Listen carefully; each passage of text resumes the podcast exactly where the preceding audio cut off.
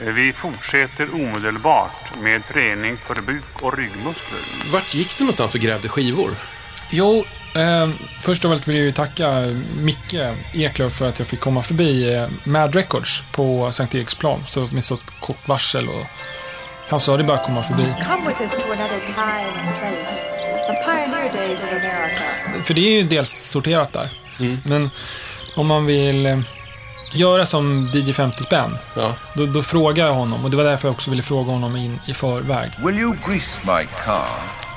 Change the oil. Så han på något sätt guidade dig till det som inte var så uppsorterat Ja, än. då sa han så här, Ja. "Du, där, där kan du titta, där är liksom, det är bara påsar och lådor som jag var tvungen att öppna.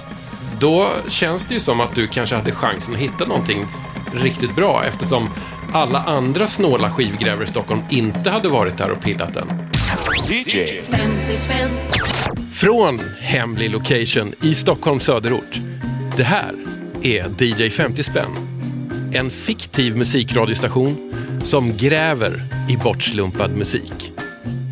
Här spelar vi skivorna som har fiskats upp på loppisar och ur de allra, allra billigaste skivbackarna runt om på börsar och börsgolv i stan. Jag som har dragit igång det här och inte har vett att sluta. Jag heter Tommy Jönsson och med mig ikväll är ingen mindre än producenten, artisten, eh, musikern, stilikonen Mr Top Hat. Hur är dagsformen? Den är fantastisk. Jag, jag peppade lite för att du skulle komma med en så här fet hatt på huvudet, men det har du inte. Nej, jag kom med min eh, mössa som ser ut som en, pund, en riktig pundarmössa, men som jag har fått av Loewe och det är lite kul också. Mm, då kunde du ändå passera på gatorna här i Älvsjö, eh, lite inkognito. Ja, och det, det är lite roligt för det är många som tycker att man ser så pundig i den, men så i själva verket så är den jätte, jättedyr. Men är det inte så med de allra dyraste grejerna, att man inte riktigt fattar? Jo, jag tror det. Mm. Lite som med skivorna. Kan inte du tisa lite med några små lockande ord bara vad som finns i din skivpåse? Alltså, den blev ju lite större än vad jag tänkt mig. För att jag kom direkt nu till studion, från, direkt från Mad Records. Ja. Ehm, Du har grävt dig ner till botten Absolut. av skivbörsen Mad Records i Stockholm. Du har tillbringat tre timmar där tyckte jag du sa. ja, väldigt liksom koncentrerat och i- intensivt. Och eh, jag tyckte ändå att jag gjorde ett ganska bra jobb på Mad Records är ju fantastiskt just för att de har så mycket skivor och att eh, Micke är så anarkistiskt på många sätt i, i sitt inköp av skivor. Mm. Det är det man vill ha med en skivbutik. Den ska vara sorterad till viss gräns, men man vill också kunna fråga skivägaren var har du de osorterade backarna? Ja, det är, det är ju dit man Om, vill. om du vill bli skitig, ja, där är de. Du heter också Rudolf om vi kollar i liksom Ja. byråkratin och sådär. Så jag kanske kommer säga Rudolf ibland. Mm. Jag kanske säger Top hat. Top Hat ibland. Ibland kanske jag blandar ihop dem. Du får leva med det. Jag vet att du ganska nyss, när vi spelar in det här, har släppt en eh, så här house-dunkande bris till låt som heter Suddenly. Var och när lyssnar man bäst på den låten, tycker du? På en eh, pub klockan, en söndag klockan 17.20 ganska nära typ jag skulle kunna tänka mig antingen någonstans i Chelsea, men det skulle kunna vara Newcastle, det skulle kunna vara Manchester. Men folk som står och peppar inför matchen. Det känns som eh, disco huliganmusik 2022. Men jag vet inte, det här är ju bara en bild jag har i huvudet.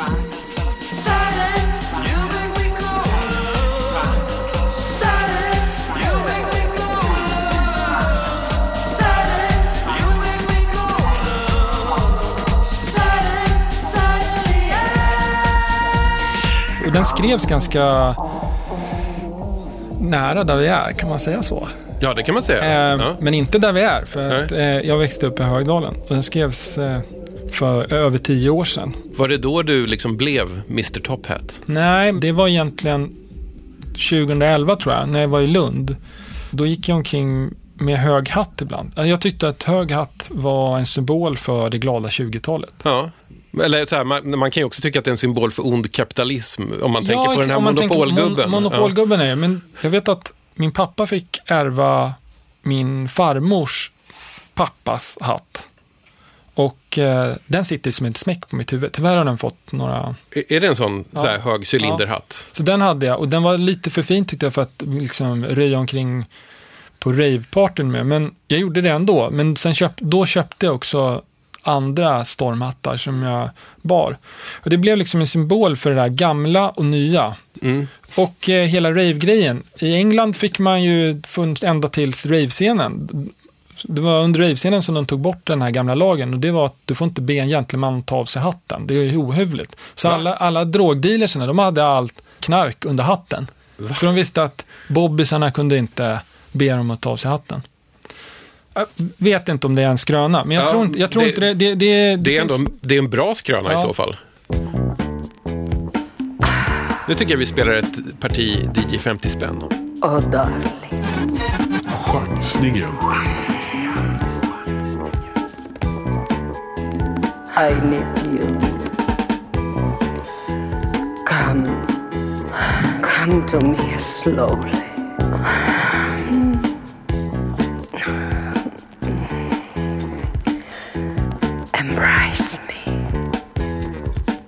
Kiss me all over. Mm.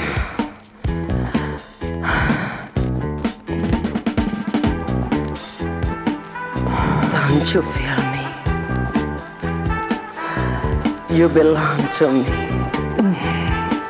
I am yours.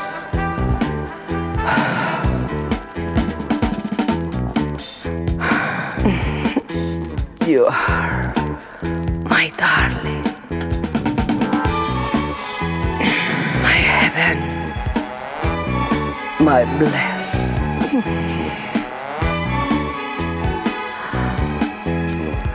I never knew love could thrill me like this. Oh, oh my love. Touch me. Touch me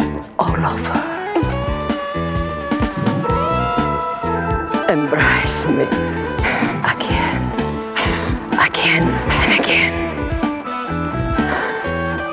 Come, come soon to me.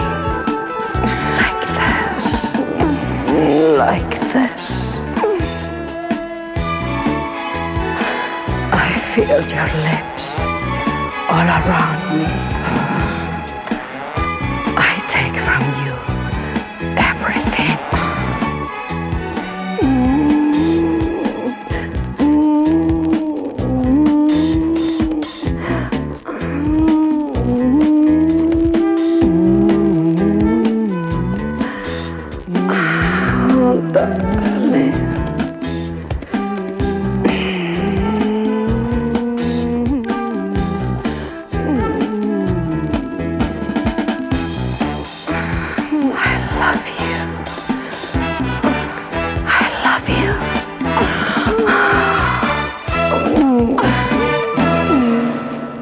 Dagens första skiva och jag hör ju nu att min skivnål eh, verkar vara totalkvaddad.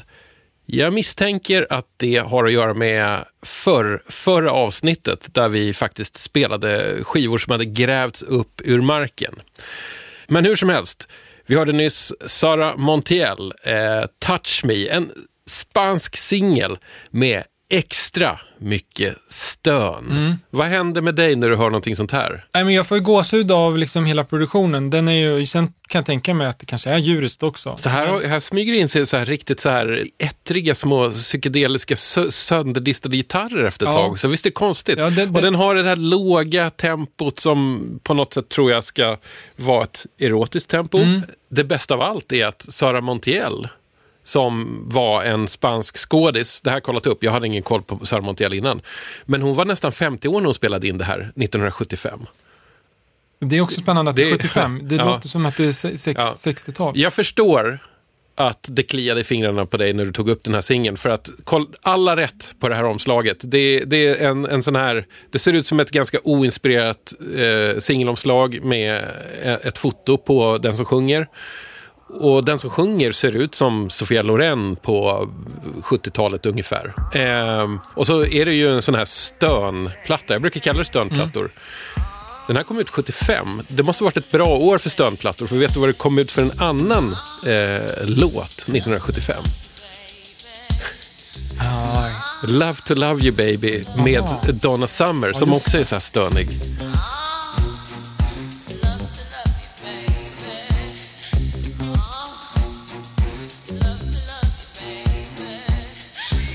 Jag vet att varför jag kanske läser in det som eh, 60-tal, det är för att det fanns en ganska stor våg av eh, i, i Italien. Jag tror, jag för mig att det är 60-tal, som går väldigt mycket John, som är sådär modsmusik.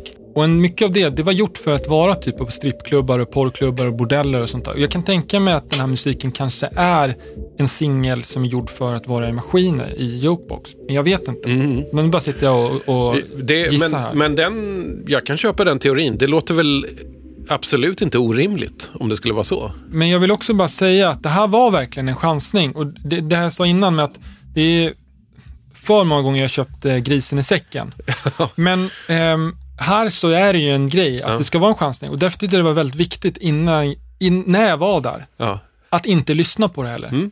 Att eh, Men du, hålla det verkligen som chansning, att man inte har lyssnat på det innan. Nej. Så att det här vi hörde nu, det var ju första gången jag själv hörde det här. Och jag tyckte att det var skitbra faktiskt. nej, det här var ju 10 av 10. Det här, det här är ju, man kan inte få en bättre chansning. Nej. Du vet inte vem, du har ingen aning om vad hela bakgrundsgrejen och sen att det låter bra. För det är ju ofta som man kan chansa och så låter det ganska bra. Det låter OK liksom. Mm. Men alltså den här hade man ju, den här känns ju som en dyr platta. När du gräver skivor, för det, det verkar ju som att du är en sån som ändå gillar att rota dig ner till botten. Vad brukar du chansa på för slags skivor? Om man inte kan lyssna, jag har faktiskt lite slutat med att köpa skivor om jag inte kan lyssna på dem. Faktiskt. Och det handlar om att jag tycker att skivor är lite snuskigt. Fast samtidigt som jag älskar det. Vadå Eh, snuskigt? Jo, att det blir så hårdare. Alltså att jag, jag kommer hem med så jävla mycket skivor. Och så bara, du vet, någonstans, ja men det här spåret var ju faktiskt ganska bra. Men egentligen så är det lite sådär, blir jag verkligen mycket lyckligare av att ha Det är klart att du blir. 110 gram. Mm, det är det här jobbiga när man väl ska flytta och sånt, så märker man att helt plötsligt så har man liksom flera ton med skivor. Mm. Samtidigt är det ju eh, sin, sin identitet på många sätt och det finns en del tjejer som jag varit tillsammans Mm. med som bara, va? Har du massa skivor? Tycker det är... Då säger jag bara så här, om du inte gillar, gillar det, fan stick. Nu, nu Rudolf, nu vandrar du in på väldigt tunn is. Sitter du här och påstår att tjejer avtänds av stora skivsamlingar? Nej, det gör jag inte. Det finns en del som älskar det. Men eh, jag har varit med om, jag har upplevt att det finns folk som tycker att det är schabbigt. Lite som en Ja. del kan tycka att det är äckligt med second hand-kläder eller så. För det är ju, det, alltså, Ja, jag ja. menar, jag köper även ny musik som är nytillverkad. Men jag skulle ju tro att 80% eller 70% Ja. av min skivsamling är begagnad. Ja, men det, det, det är ju roligt att vi kommer in på det här, för det, visst är det eh, sunkigt. Eh, letar man bland gamla skivor, och framförallt då på loppisar eller liksom i de billiga backarna på skivbörsar, och tar upp och luktar på dem, så ganska ofta så luktar de ju källare. Ja, det, är ju, det är ju lite mögeldoft ofta. Men jag, jag ska bara poängtera, det- jag, när jag menar att det där snuskiga, det är mer en subjektiv grej än det objektiva. Jag, är- jag, jag, jag tycker inte, det är- lite sådär, vill man med vara leken får man leken tåla, då ska man ha smutsiga naglar Japp. efter man har varit och grävt skivor. That's the spirit. Annars är man ingen, eh, det är bara gräv. Det, det ska, man ska bli lortig. Ja. Det snuskiga är att det blir liksom, men vänta nu, nu har ju du faktiskt typ samma skiva som faktiskt så kom, kom jag hem nu. Nu köpte jag en del skivor som jag redan har hemma. Det är ju det som är lite sådär hårderaktigt. Ehm, jag har nästan inte hämtat mig efter Sara Montiel här. Jag tänker att vi... eh, Går till det motsatta kanske. He's so special and everything, and he's the best looking guy in the world. This is about my 28th concert since 1972. det här är verkligen en skivbörsklassiker. I'm so excited. I could just, oh, I can't wait. Det, oj, oj, man ser den här ofta. Oh,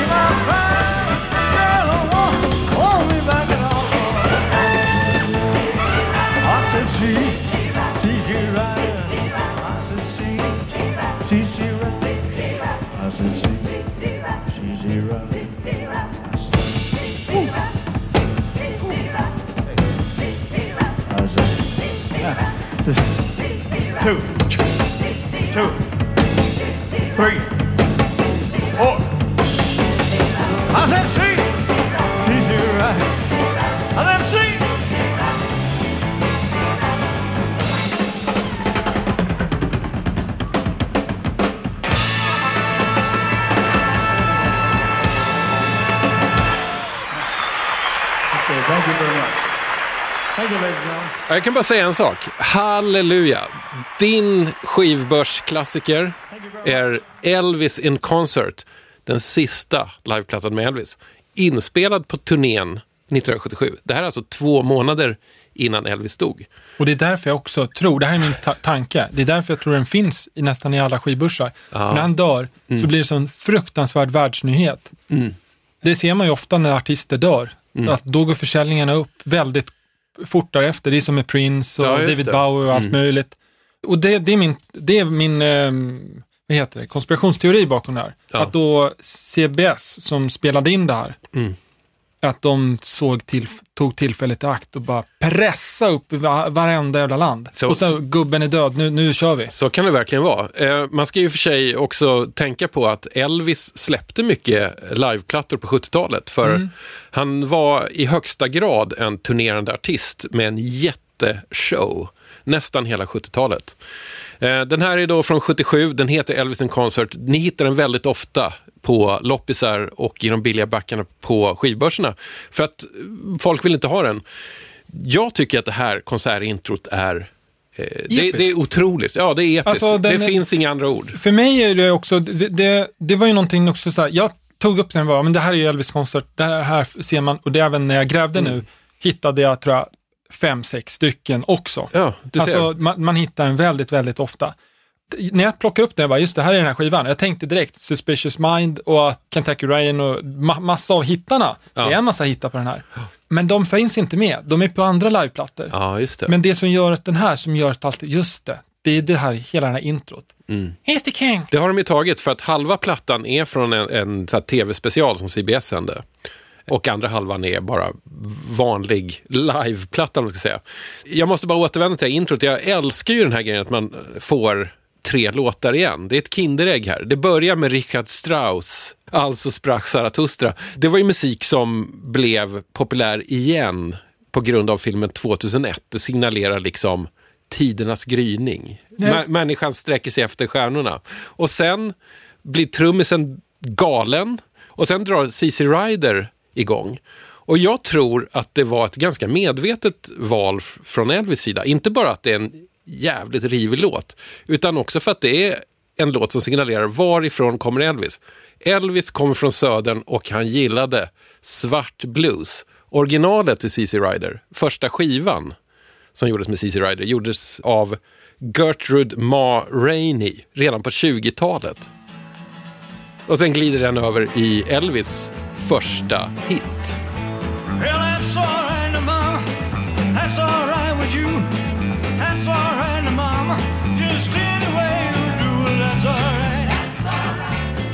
Som också är en oerhört svart rhythm and blues-låt från början. Det var bara det att Elvis snodde den eller gjorde den. Eller- Beroende på vem, vem, Jag- vem jag du, hur du läser så musikhistorien. I, jag skulle nog tro solidaritet och hommage. Han kan connecta på det sättet och det är någonting som är mäktigt i amerikansk Mm. eh, mu- musikkultur. Att de som för, förstår sig på bluesen, Mm. de... För det är ju bluesen bygger ju, all, all modern musik bygger ju på bluesen i princip. Ja. Eh, Elvis var väl vid just den tiden och den platsen den som kunde vara någon slags interface mellan folkgrupperna med den svarta musiken. Mm. Det finns en case in point som också är väldigt 70-talsmässig på den här skivan. Eh, Det är därför vi ska spela den här Pointer Sisters-låten som bisarrt nog då gjordes på Elvis sista turné också.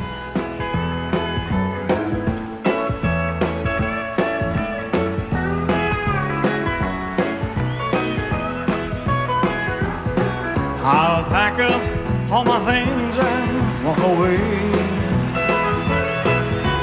I don't want to hear another word you have to say.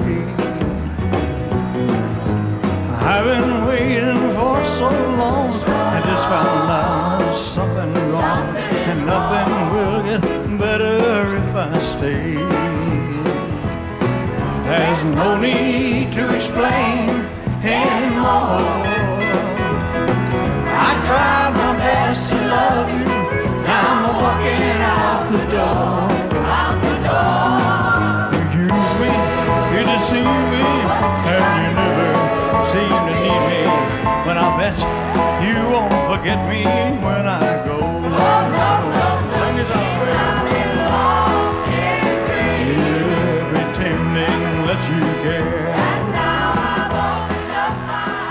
Hörru Mr Top Hat, har du hört en countrylåt skriven av Pointer Sisters? Nej, För det här var det.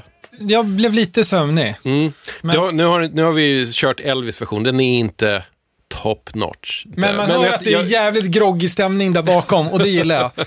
Men han är ju, jag får med att han sjunger gospel med sin mamma. Han är helt uppvuxen i gospeln. Jag vet inte om du har hört, hört det, men i ett tidigare avsnitt eh, av DJ 55 som kom ut förra året så var komikern Marcus Berggren med här. Mm. Då spelade vi inte Elvis, men på något sätt började vi prata om Elvis och han målade upp ett fantastiskt scenario. Elvis gick ju till gospel så fort han hade chansen. Ja, just det. Så fort Det- man det- lämnade honom obevakad en sekund drog han in 40 fetlagda sångerskor som sjöng för glatta livet. Var det inte lite så? Varje gång som, vad hette, vad hette han? Överste Tom Parker, hans, Ja. hans manager, stämplade ut för dagen. Gick på toa bara, så hör han inifrån toaletten. Sing happy day, oh happy day. Bara, Elvis, för helvete. Apropå det här att du har kommit med en liveplatta med Elvis. Du sa en sak innan jag tryckte på rec-knappen. Att du gillar liveplattor. Ja, och det är just det där med... Eh, Jag, jag ska bara säga en sak om det, för jag tror att du är ganska ensam om det. De flesta jag känner avskyr liveplattor. ja, det där tycker jag är konstigt för att en, en dålig liveplatta, den blir platt. Medan en bra liveplatta, den blir levande. Och jag tror att det är tekniskt, eller jag upplever det som väldigt tekniskt svårt att få till en bra liveplatta. Men jag tycker att det som är det mäktiga här med livegrejen, om det är bra, det är att man får in den här atmosfären. Att om jag är själv på landet och lyssnar på en liveplatta så kan jag sitta och skratta för mig själv och liksom och sen när musiken slut, slutar, ja då blir det tyst liksom. Och jag tycker att, jag tror på det psykologiska elementet när man DJar. Att ehm, få in eh, pseudo livekänsla eller liksom att man Men vadå, att, liksom, Ska- att, du man ska- hör att du skapar en teater. live-extas? Ja, att, du, att folk, ba- bakgrundsskrål och sånt. Då kommer det bli mer rowdy. Jaha. Folk kommer bli mer liksom... Vet du att det är så? Det är inget jag har läst. Det här bygger på empirisk data Mm. Okej. och när jag själv har DJ, DJat. Jag tycker hela DJ-andet har för mig väldigt mycket med psykologi att göra. Jag tycker att Mm. det är skitspännande.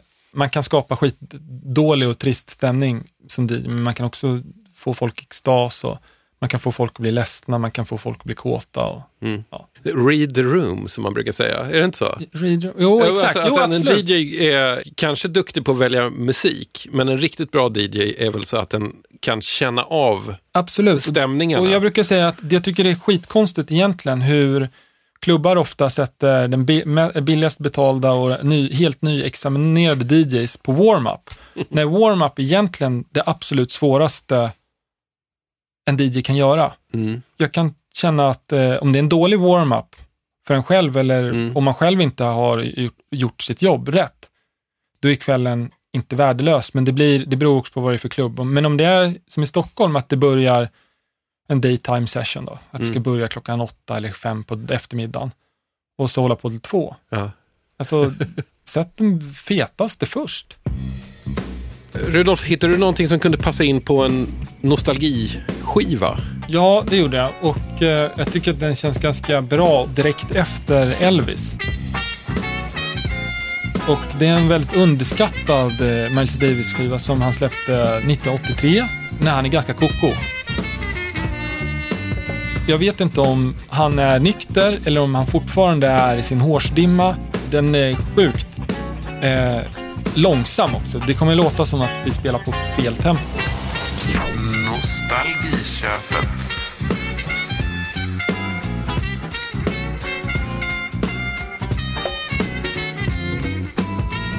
En sak kan jag ha i bakhuvudet och det är att jag spelade den på en söndag eftermiddag på Panorama Bar.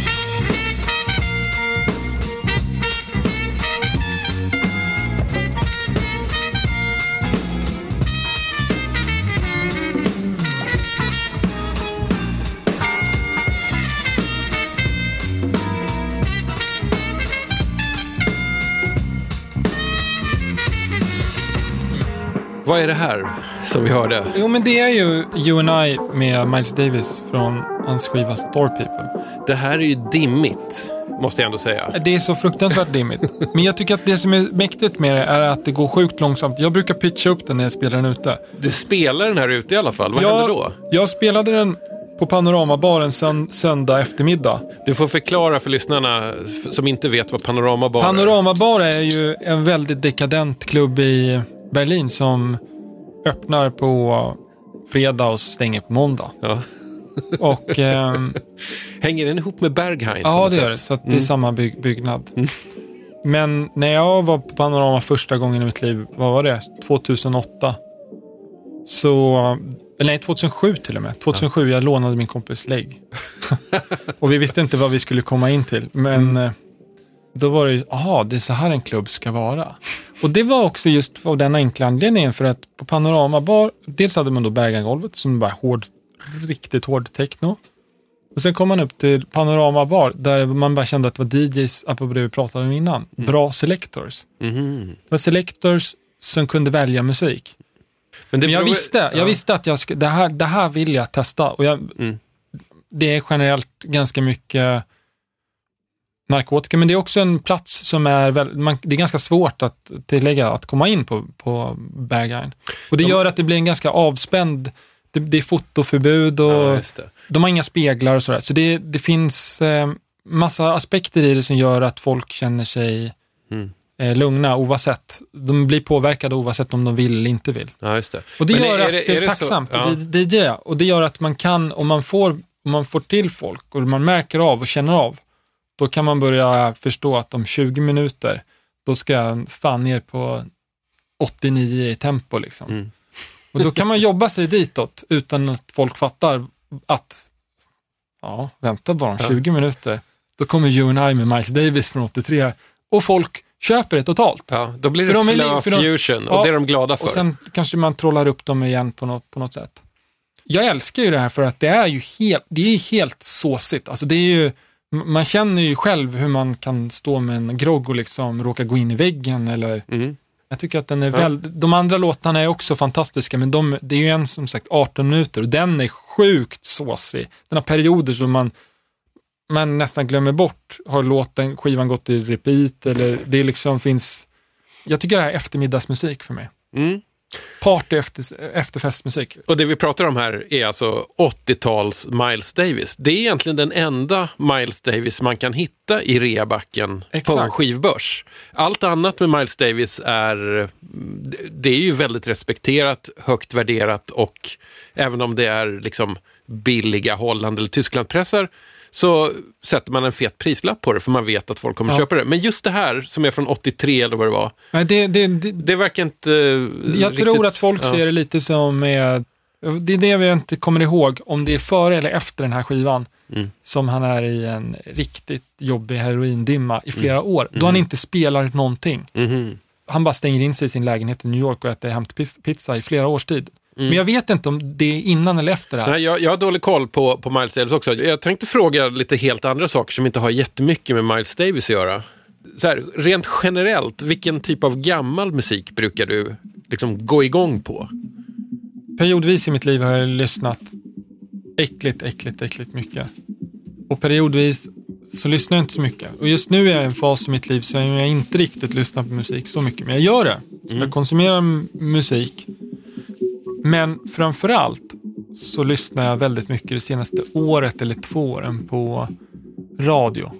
Ja. Och då lyssnar jag antingen på P1 Mm, där är det inte så det- mycket musik. Nej, det här är ingen musik alls. Men sen lyssnar jag även på P2. Och P2 är ju klassisk musik och, och har ganska bra utbud tycker jag. Innan du kom hit nu så lyssnade jag igenom ditt, eh, din svit på tre album. Dusk to Dawn som kom för ett par år sedan. Ni- 2019. Just det. En, en del är ju dunka-dunka, liksom dansgolv. Men sen har du ju också ganska långa partier som bara är lite mer eh, Ambient. ambient, Ja. kan man säga. Ja. Eller, eller som, som försvinner ut. Eh, det låter som att musiken går ut genom dörren Exakt. ibland. Och där märkte jag att jag tror att du och jag har, har en sak gemensamt. Vet du vad? Nej. Shoot. Vi förstår och uppskattar chefsinstrumentet. Mixerbordet. Nej, tvärflöjten.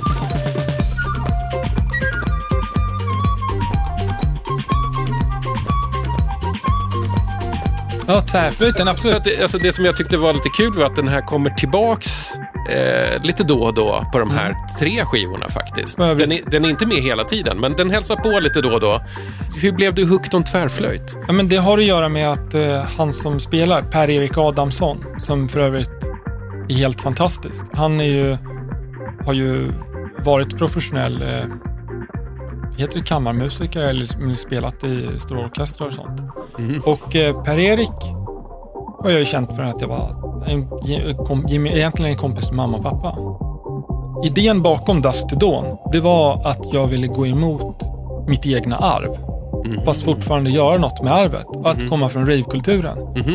Och det var så att jag började lacka ur på, på elektronisk dansmusik. Att när man går på rave eller spelar på klubbar. Det är som man som tror dansmusik och sen när de väl är dansar, då står de bara och vajar och lyssnar. Och det kanske man kan göra. Men då tänkte jag så här, men om, man, om det ändå är, att bara stå och lyssna, då är det väl skönare att sitta inne i ett klass, liksom en music hall. Och, eller kanske se dans, att man ser dansare Ah, ja, som mm. dansar åt det här i tre timmar och man kanske kan somna eller flippa iväg eller vad man nu gör. Och sen tror jag även på att, eh, att ta in levande element Mm. i eh, en statisk musik, eh, ljudbild, även om det är gjort med trummaskiner som har sitt gitter och så vidare, Mm. så händer något. Det händer någonting. Det är som att, det ena är som att bara laga, äta McDonalds-mat. Det Mm. kan vara skitgott, en cheeseburgare, men om du ska äta dig igenom hela McDonalds-menyn kommer det fan bli tradigt. Och lite samma sak, att bara sitta och äta fine dining Mm. i tre timmar kanske också inte alltid är skitkul. Då kanske man vill ha den där cheeseburgaren när man går hem från krogen sen efteråt. Jag läste en gammal intervju med dig där du nämnde att eh, du spelade piano som liten. Du Ja. tog pianolektioner Ja, tror jag. Var det här någonting du ville göra själv eller blev du liksom satt på så här, du ska lära dig piano? Nej, jag- jag ville det själv. Är det spåren av pianospelet som man hör ibland i, i din musik? Det spökar lite Bachs Matteuspassionen tror jag i, i den här Dusk to Dawn som vi pratade om tidigare. Absolut. Ännu mer hajade jag faktiskt till som gammal loppis-skivgrävare av att helt plötsligt i någon låt, Hedonism kanske, så kommer Barkbrödslåten. Ja.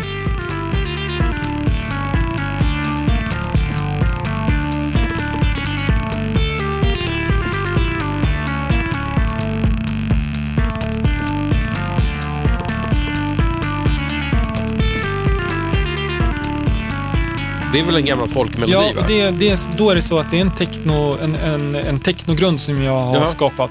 Och har över min eh, farbror i studion som bor i Oakland i USA. Han är ju professionell bluesmusiker. Ehm, han har ju varit förband till B.B. King och har ju...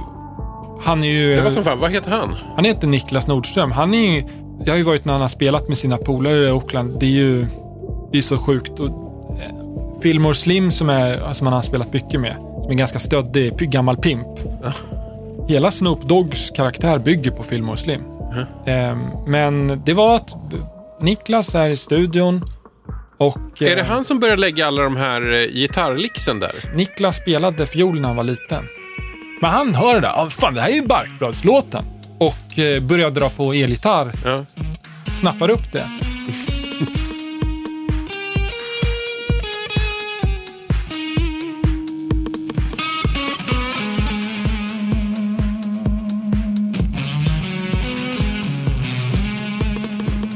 Sen så här glider den här låten över i, i de här bluesiga gitarrlixen.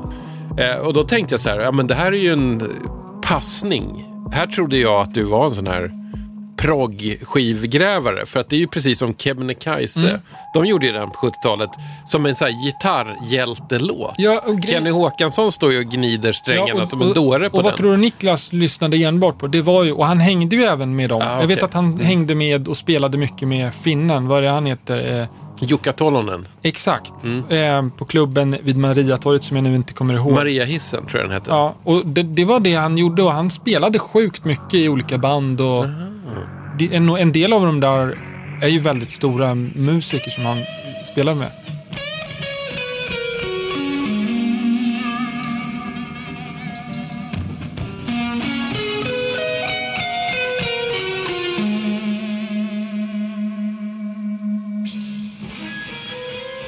Hörru du, jag tänker vi ska gå vidare här. Jag ser att du har ett fynd här. Ja, vi lyssnar på det.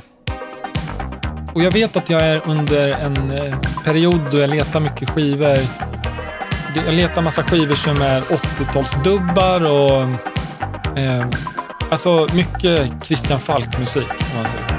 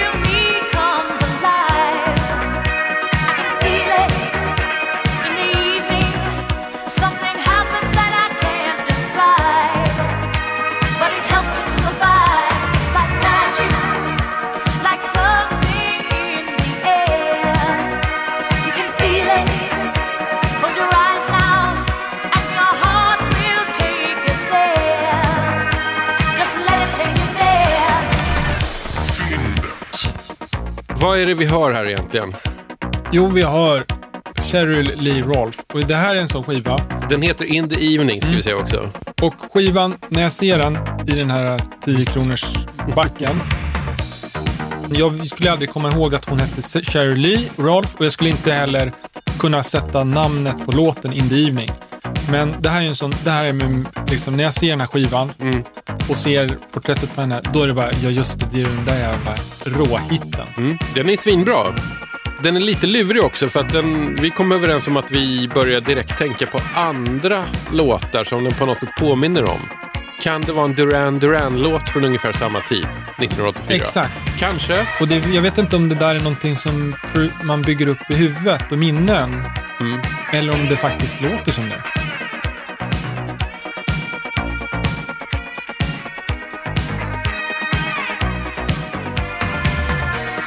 Och jag vet faktiskt inte heller vad den faktiskt kostar. Men det här är en jävla hit. Och är det så att den kostar 10 kronor, då säger jag till ni som lyssnar, köp den innan den är slut. Jag kan säga det, jag kollar upp den på Discogs nu. Den kostar ungefär 30 spänn. Och hur många det finns i salu? Hur många har den och sånt? Eh, vi ska kolla. Just nu finns det 32 exemplar till salu. Det kan hända. Så att det går att få tag på den relativt lätt. Men grejen är så här. Cheryl Lee Ralph, det här är en typisk sån artist som jag har pressat in i min skivhylla, men jag vet ingenting om henne. Alltså det, det som är postdiscon, alltså som är så här, som är lite high energy, lite syntigt till exempel. Cheryl Ralph är ju inne på den vägen. jag det ser man om inte annat på att hon har jättebreda axelvaddar på omslaget. Exakt, och jag kan tänka mig att sånt här har ju kanske påverkat Janet Jackson, inte vet jag. Men jag tror att de har gjort den här och sen har det eh, varit på vinst eller förlust. Nu, nu, nu sitter jag och gissar här, men jag kan tänka mig att de har gjort det. Flyger det så flyger det, flyger det inte så flyger det inte. Och så under den tiden, Ja. Men Michael det- Jackson ja. är i ropet, Prince är i ropet. Just den här tolvan vet jag gavs ut här i Skandinavien av Beatbox som var Okej. vårt eget liksom, dansgolvsbolag som gärna är en- licensierade Det är låtar. ju en jäkla banger alltså. Ja. Jag tycker det är ett bra exempel också på vad som kan vara fynd där ute. Jag upplever ganska ofta när jag är ute och gräver skivor att folk där ute som står och bläddrar i skivbackarna skiter lite grann i det här 80-tals eh, disco eller postdisco eller 80-tals soul R&B soundet ja, för, för att det är liksom inte... Det är oftast inte värt någonting i pengar, det är inte värt sådär jättemycket cred alltid. Men det är jävligt hittig musik, det måste man ju säga.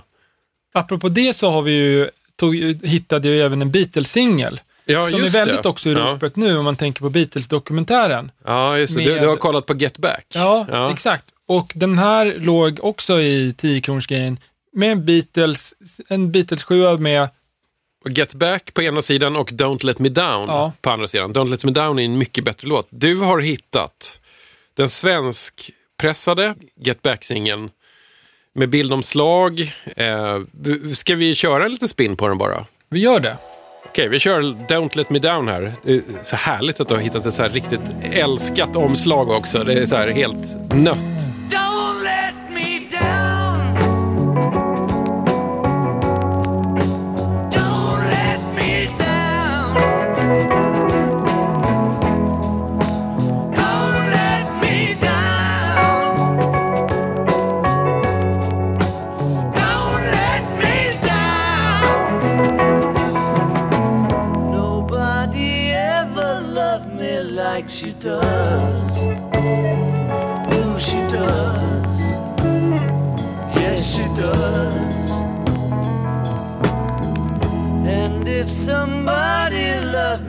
Like she do me, oh, she do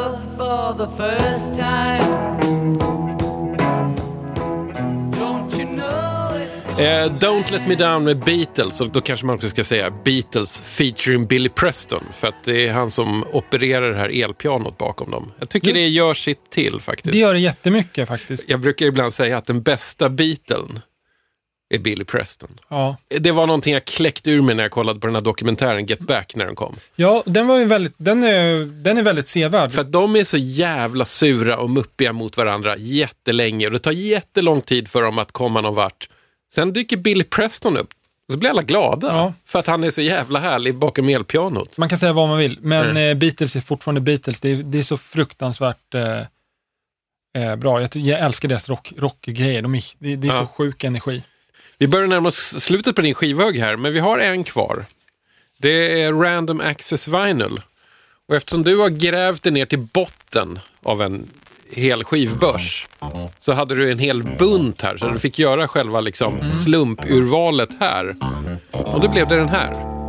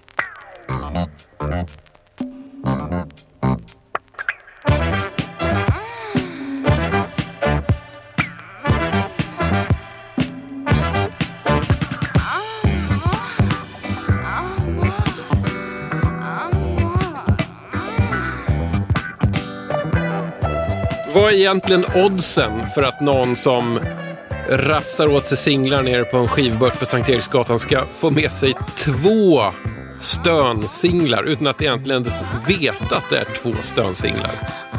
Det finns ju två svar. Det, det dryga är ju vara Mr Toppet. Mr Toppets magi. Fram med trollstaven. Mm. Och det andra är att eh, vill man hitta så här bra och roliga fynd, då får man faktiskt ta sig till Mad Records. Men det roliga är att du har, du har ju liksom rafsat åt dig först en hel skivkasse, sen kom du hit och sen så la vi ihop alla singlarna i en enda bunt och så bläddrade du upp på måfå, i blindo. Den här. Vi har alltså hört Amor. Ja, det är, ju, det är ju faktiskt en riktig slump, ja. Vi har alltså hört Amor med eh, ett band eller ett projekt som heter Enterprise. På omslaget så ser vi ut en kvinna som ser ut att vara mitt i en orgasm. Det låter ju lite så, fast blandat med någon slags tv-shows groove. Blandat med litet uns av så här cosmic, typ. Ja, jag tycker att det är väldigt kos- funkigt och Mm. kosmiskt. Jag, jag känner att det här är ju definitivt saker som tenderar till att vara primetime disco. Mm. När du kan trolla med, med dem du spelar för. Men vet du vad som stökade till det mest i huvudet med den här? Det är att just exakt den här låten, fast inte i den här versionen, det var ju Julio Iglesias stora hit. Amor, amor, amor. Alltså det, det, det, alltså det spejsar till det så mycket i skallen. Jag, jag, det börjar bli sent här. Du har en sista skiva här. Du fick ta med dig en liksom, egen platta hemifrån också. Ja, och den här? Den här, köpt, den här köpte jag nu då, idag för att jag vill ha en till. För att jag Ja. tycker den är så jävla, dels fint inspelad. Han är så vansinnigt bra jazzpianist och är klassiskt skolad och spelar Bach eh, på ett jazzigt sätt. Och eh, rummet är helt magiskt. Att spela den här ute på hög volym eller hemma på högsta volym så du inte kan, kan prata med polarna. Det är episkt. Helst på en efterfest. Klockan får gärna vara vad den vill på dygnet. Mm. Det är snabbt tempo. Och eh, jag köpte min kopia när jag köpte första gången i eh, Tjeckien. Och eh, den här inspirerade mycket till Dusty Dawn.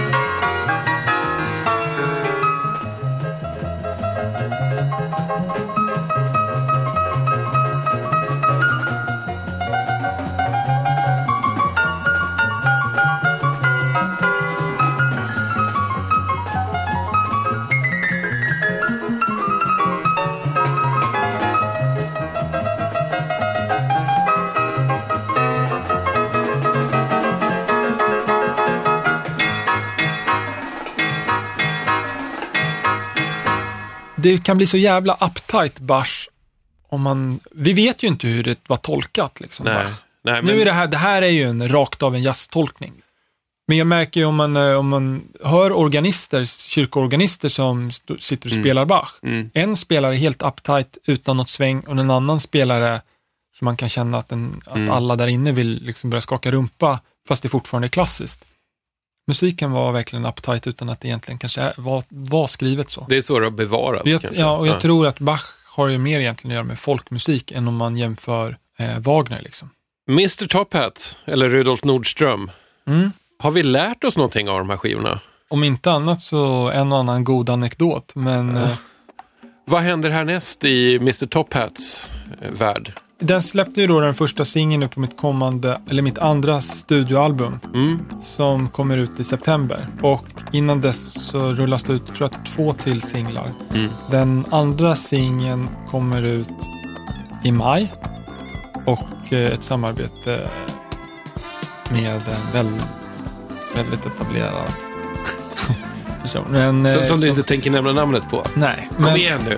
Och det är också en låt som egentligen skapad för några år sedan, men som är fantastisk. Mm. Så, ibland tror jag musik är lite som årgångsviner.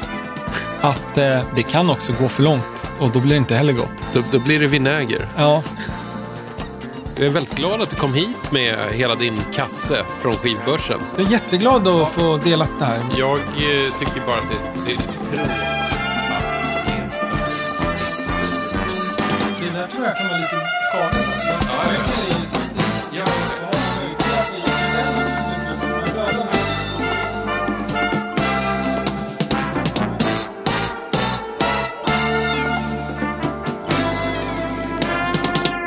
du har tagit igenom ännu ett avsnitt av DJ 50 spänn. En totalt fristående och frislirande musikpodd som görs i samarbete med produktionsbolaget Rundfunk Media här i Stockholm. Jag heter Tommy Jönsson. Tack för att ni har lyssnat. Postmästaren i Kandy heter Jaya Krishna. En man som är redo att när som helst ge sitt vittnesbörd om hur han som en gång var en ivrigt sökande hindu till slut mötte en levande och personlig Kristus